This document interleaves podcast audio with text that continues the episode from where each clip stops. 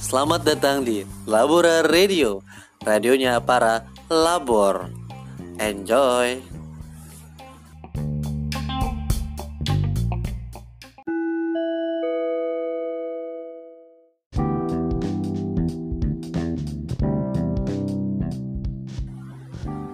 Film ini film dokumenter yang diproduksi sama Watch Dogs, bagian dari series eh, Ekspedisi Biru. Yang di Indonesia biru ya. Iya Indonesia Biru. Yang di apa diproduksi sama Wasdog. Dan kita tahu salah satu penggagasnya atau direktornya ini Dandi Laksono Islam ya. Mas di Dandi Dwi Laksono ya. Eh, keren loh. Ini film ini dibuat gerakan gitu. Karena gerakannya ada di banyak titik di seluruh Indonesia dan melakukan nobar bareng gitu. Dan sebelum kita nanti lebih jauh ngobrol ngobrolin tentang kontennya isinya kita pengen lihat menurut tuh oh ya kita kenal dulu dong nih ya kan? Malam ini gue ditemenin sama dua bukan narasumber apa ya gue nggak suka nyebut narasumber narapidana. Narapidana ya.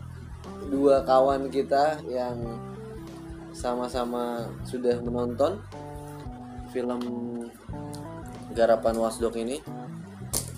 Di sisi kanan gue ada Bung Anon ya? Bung Anon apa? Ya taro nah aja taro Jotaro oke.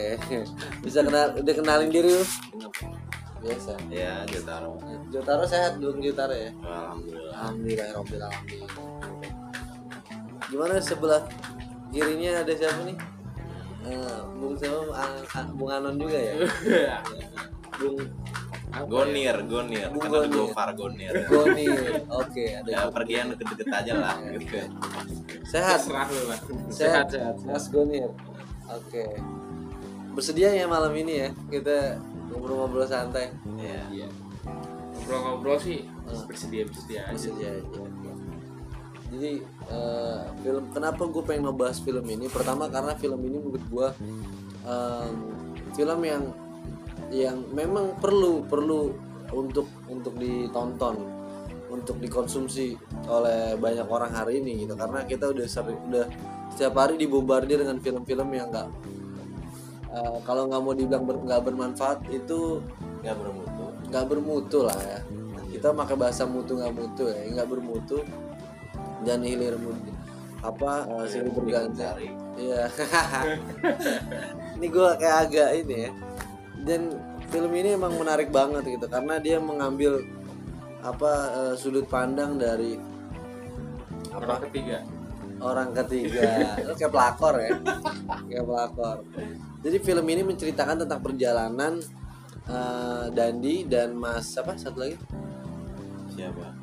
Gua nggak tahu siapa. Lupa lagi gue pokoknya film ini eh, tentang bagaimana dari judulnya keren kita bahas judul bahas judul seksi killer Sexy Killer seksi ya kan? killers loh Sexy jadi killers. pembunuhnya ada banyak pembunuhnya ada banyak Yang killers seksi ya kan? gitu killers ya kan? dan pembunuh yang seksi yang meng- menggoda gitu yang jadi identik kan kalau seksi killer yang di kepala lo apa tuh seksi killer ya gue killer queen ada di anime Jojo itu killer Ah, queen. Gitu. Killer Anjir, keren Queen. banget. Killer queen itu kayak lagunya ini Queen ya. Ya emang lagunya queen. Eh, oh iya oh iya emang lagu yang emang Queen. Lagunya queen. Ya, referensi langsung. Hmm. jadi dari judulnya kita udah yang terimajinasi dari kepala lo tuh apa tuh? Ya suatu person ya. Hmm. nah, person pasti seksi. Killer itu kayak gimana sih? Kayak model-model. Kayak misalnya dulu pernah ada di Hollywood ini kayak film mania gitu kan film-film ya seksi killer itu kayak misalnya gue bayangan gue yang sebagai anak anak zaman patriarkis gitu kan seksi iya. pasti nggambarin cewek gitu kan.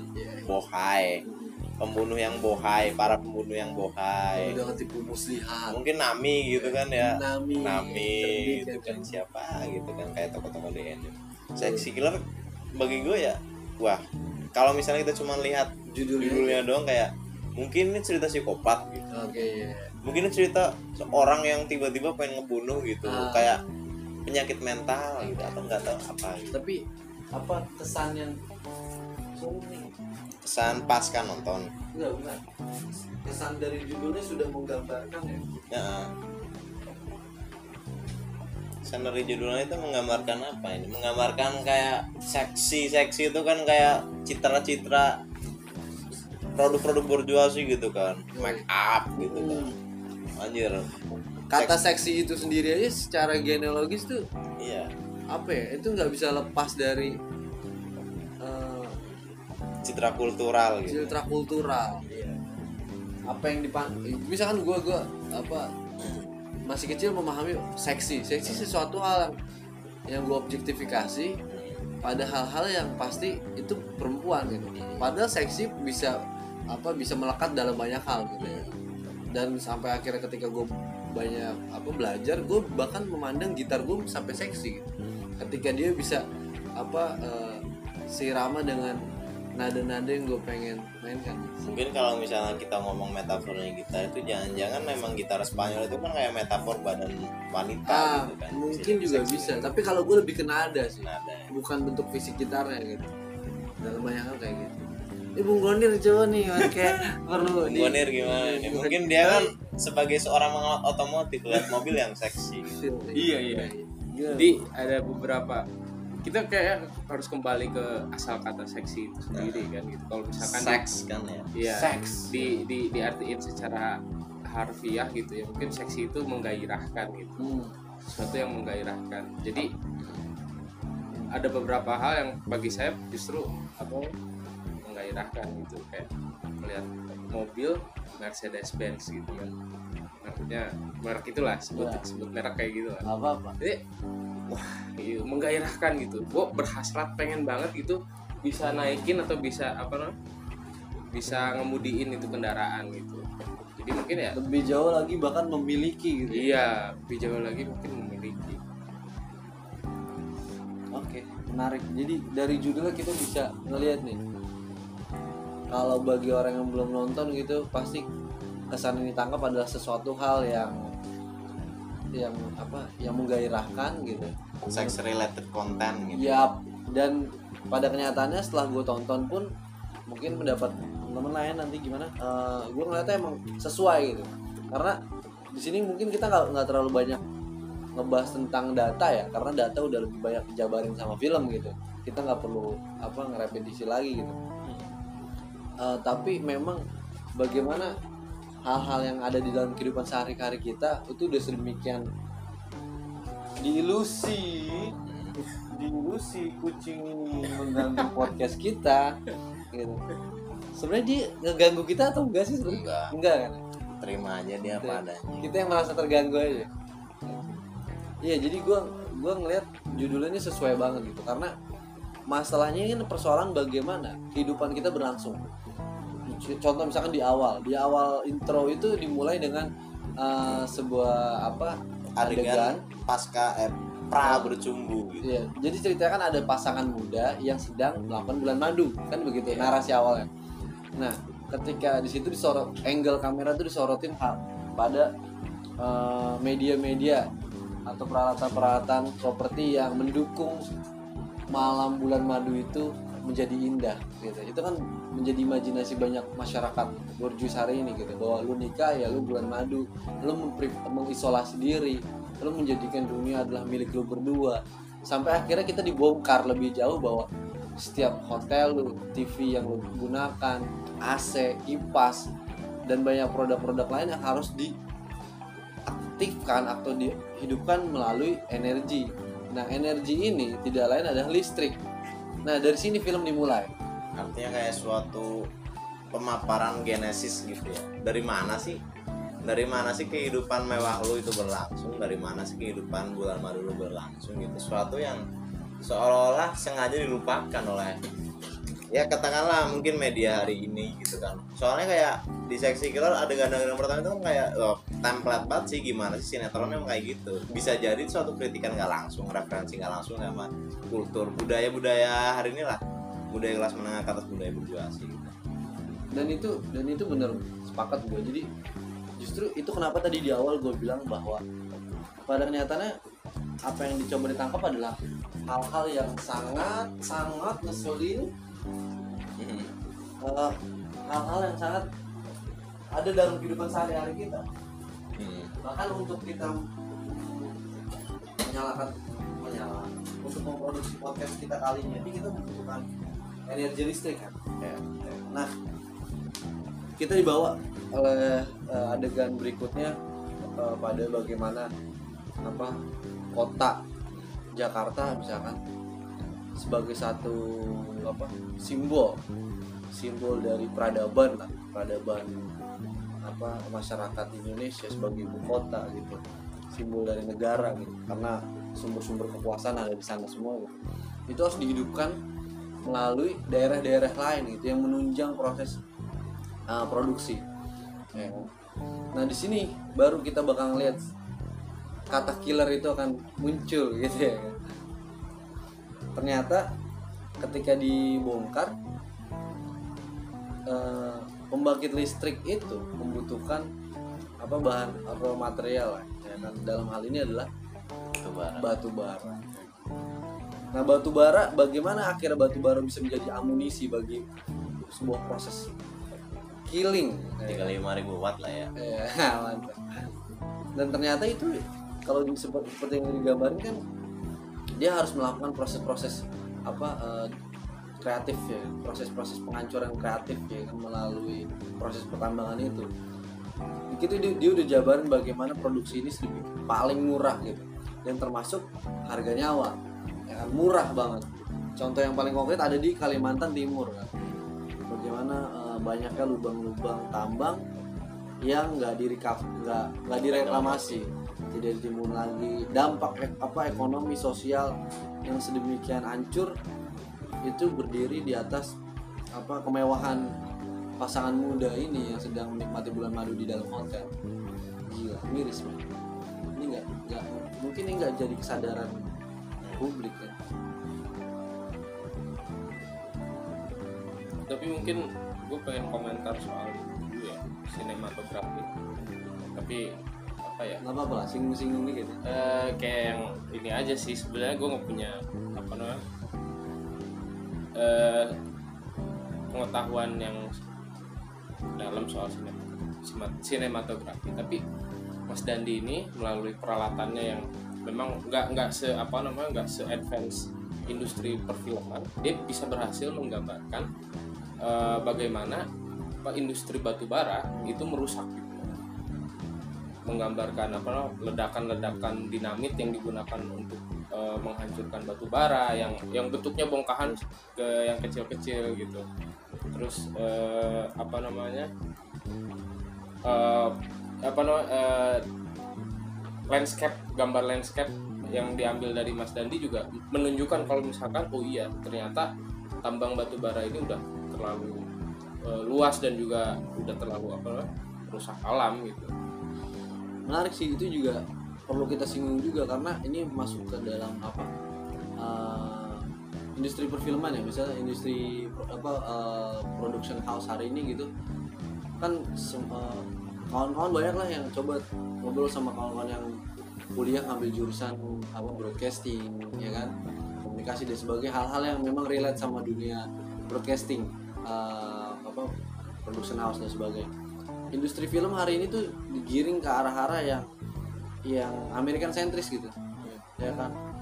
Pokoknya eh, Ka'bahnya itu adalah Hollywood. satelitnya itu Hollywood gitu ya kan? Sampai film-film yang sifatnya itu apa eh, menangkap suatu hal-hal yang yang relate sama kehidupan sehari-hari kita itu membutuhkan seolah-olah harus membutuhkan dana yang besar gitu. Dan imajinasi-imajinasi yang sebenarnya jauh. Itu kan udah kita kita udah biasa banget gitu di doktrin untuk menjadi pahlawan gitu lewat Marvel. Lewat DC gitu. Ini mungkin debatable sih. Iya. gitu. Tapi eh, kita harus sadar gitu. Sekritis apa pun film itu misalkan film-film Marvel dan sebagainya bagi para penikmatnya dia butuh membutuhkan dana ratusan miliar gitu. Dan dia akan mendapatkan keuntungan yang lebih jauh kali lipat dari produksi dia gitu. Dan itu hanya uh, ter apa bersirkulasi di para owner gitu dan para pemain-pemainnya aja gitu. artinya kan yang lo maksud mungkin singkatnya kan impact dari produksi film itu bukan apa yang mereka sampaikan kan tapi Betul. apa yang mereka dapat kan? Betul, betul. Bahkan indikator gagal atau suksesnya sebuah film aja itu dihitung dari rating. Rating pendapatan gitu. Bahkan medium untuk kita menikmati film itu secara apa eh, mewah itu hanya dalam hal dalam perspektif yang eksklusif gitu. Ya melalui bioskop. Bioskop itu kan perlu akses. Akses dalam hal ini dalam hal ini adalah uang gitu ya kan. Sedangkan film ini gitu kalau nggak dianggap berlebihan gitu ya ini film yang pertama didistribusikan secara gratis ya kan didistribusikan secara gratis dikerjakan secara kolektif gitu dan di diupayakan gitu ke dalam eh, sebesar besarnya edukatif gitu gitu. Bahkan gue bisa bilang ini movement gitu. Iya. dan ini di, di, didistribusikan ke seluruh ini kan Indonesia kan. Dari banyak tempat bahkan sampai komunitas-komunitas itu pesantren dan sebagainya mahasiswa gitu. Komiskin kota dan sebagainya. Ini menurut gua yang perlu Guru tani kan? Buru tani. Ada juga ada juga ada juga. Ini sebenarnya yang perlu perlu di dilihat gitu aspek-aspek ini. Kalau tadi bilang sinematografi benar juga dan diapresiasi Iya, tentunya ini perlu harus diapresiasi, ap- diapresiasi. Jadi ya gue inget lah dulu gue SMA itu masih sekitar eh, 2011-an dan sebagainya. Gue ngeliat tuh kayak orang tuh berpikir buat bikin film itu dibatasi tuh, dibatasi imajinasi peralatan, ya pokoknya hal-hal yang menyangkut teknis lah, equipment dan sebagainya, editing. Tapi kita karena juga didukung dengan apa teknologi hari ini dan media informasi gitu, sebenarnya kita bisa bisa lebih berkarya lebih banyak gitu. Tapi poinnya adalah gitu sejauh mana media itu dekat gitu kita gitu.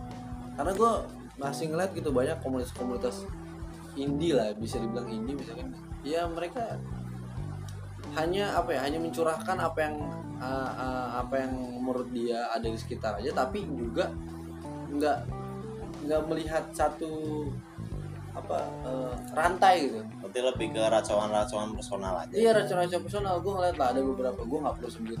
Tapi menurut gue ini penting gitu. Eh, terlepas oh ini wasdok atau eh, gitu, kita nggak perlu ngeliat itunya gitu. Tapi kita perlu ngeliat bagaimana eh, ini diproduksi gitu. Untuk apa? Dan bagaimana perspektif yang ada di dalam film itu. Karena perspektif adalah menurut gue kunci. Kunci dari berba- hal apa pun gitu di luar dari film. Mungkin itu juga sih apa yang membedakan eh, mungkin kayak Watchdog itu memanfaatkan Watchdog Watchdog what's the Watchdog itu kan kayak memanfaatkan metode etno metodologis ya. Alih-alih mereka itu selalu menggunakan perspektif orang ketiga gitu kayak Tuhan yang ada di atas yang lihat segala sesuatu. Dia itu melihat dari perspektif orang pertama justru kan kita lihat kayak misalnya kayak gini kan model-model dokumentasi Hollywood gitu kan yang selalu mengandalkan kayak misalnya dulu gue pernah lihat Before the Flood ya garapannya Nat Geo sama Hollywood itu yang di mana Caprio itu sumber narasumber utamanya pasti ya Caprio orang-orang besar gitu elit-elit gitu. Dia harus mengandaikan ada aktor yang iya. Apa orang-orang yang seolah public figure. Gitu. public figure. Padahal semua orang adalah public figure gitu semua adalah public figure gitu. Yang dimaksud dengan public figure dalam perspektifnya adalah orang terkenal. Ya kan orang-orang berpengaruh. Sehingga ketika logika itu dipertahankan seorang buruh tani yang tidak dikenal namanya itu di- dianggap bukan orang yang berpengaruh gitu. Ya kan? Lu bengkel motor gitu di pinggir jalan yang cuma nambal ban doang itu dianggap nggak bukan public figure. Karena dia nggak punya pengaruh gitu sama publik. Padahal orang-orang yang dia layanin adalah publik. Gitu. ini kan gila gitu maksudnya. Dan dari dari cara dari perspektif film ini apa gue bisa ngeliat bahwa setiap manusia itu penting.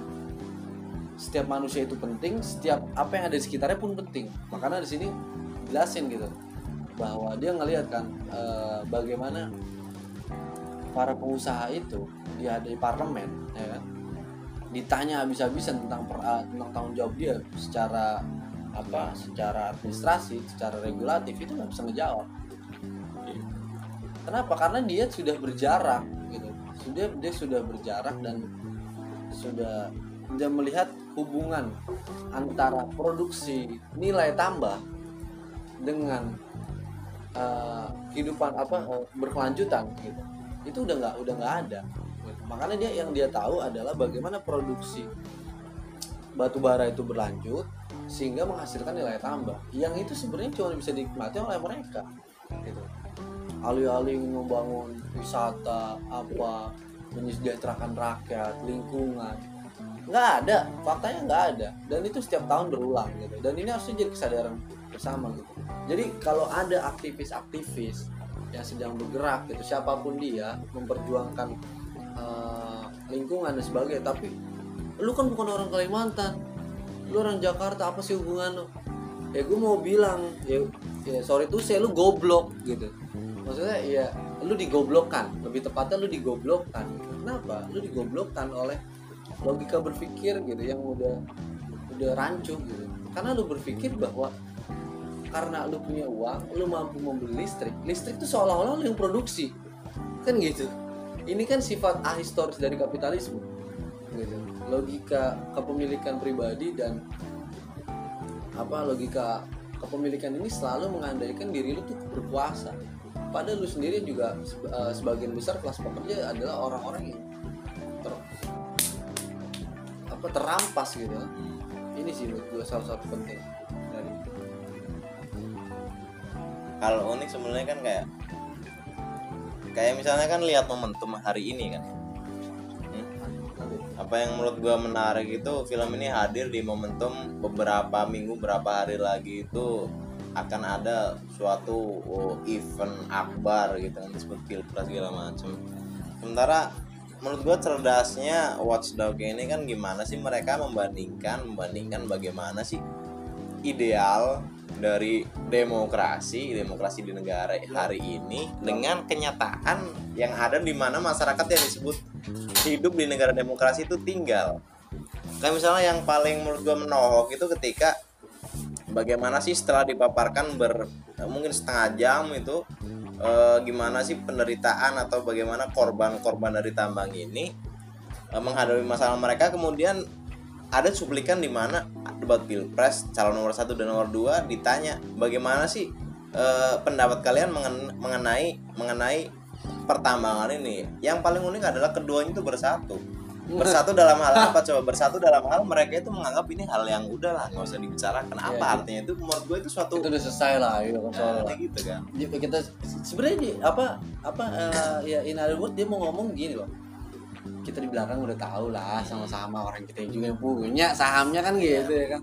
Cuma karena ini ada kebutuhan apa dramaturgi eh, jadi dia harus mengatakan seperti itu bahwa kita sama-sama yang memperjuangkan lingkungan gitu.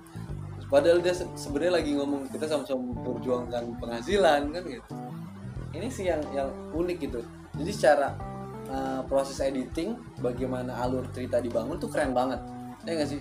Dari awal sampai akhir tuh nggak ada yang putus gitu. Walaupun ada yang lompat misalkan tadi ketika dia langsung dari ke Karimun Jawa langsung pindah ke Sulawesi itu semua punya iringan. Gue ngeliat ada satu logika berpikir yang sangat berkaitan betul dengan uh, studi kritik ekonomi politik. Di mana studi kritik ekonomi politik itu tidak bisa dilepaskan dari marxisme gitu. Apa kajian marxisme maksudnya? Bukan paham kajian yang ngelihatnya sebagai satu totalitas produksi. Kalau kita kembali buka ke Marx misalkan di chapter eh, apa simple reproduction misalkan lalu bakal ba- bakal paham gitu bagaimana ya tidak ada produksi tanpa konsumsi gitu.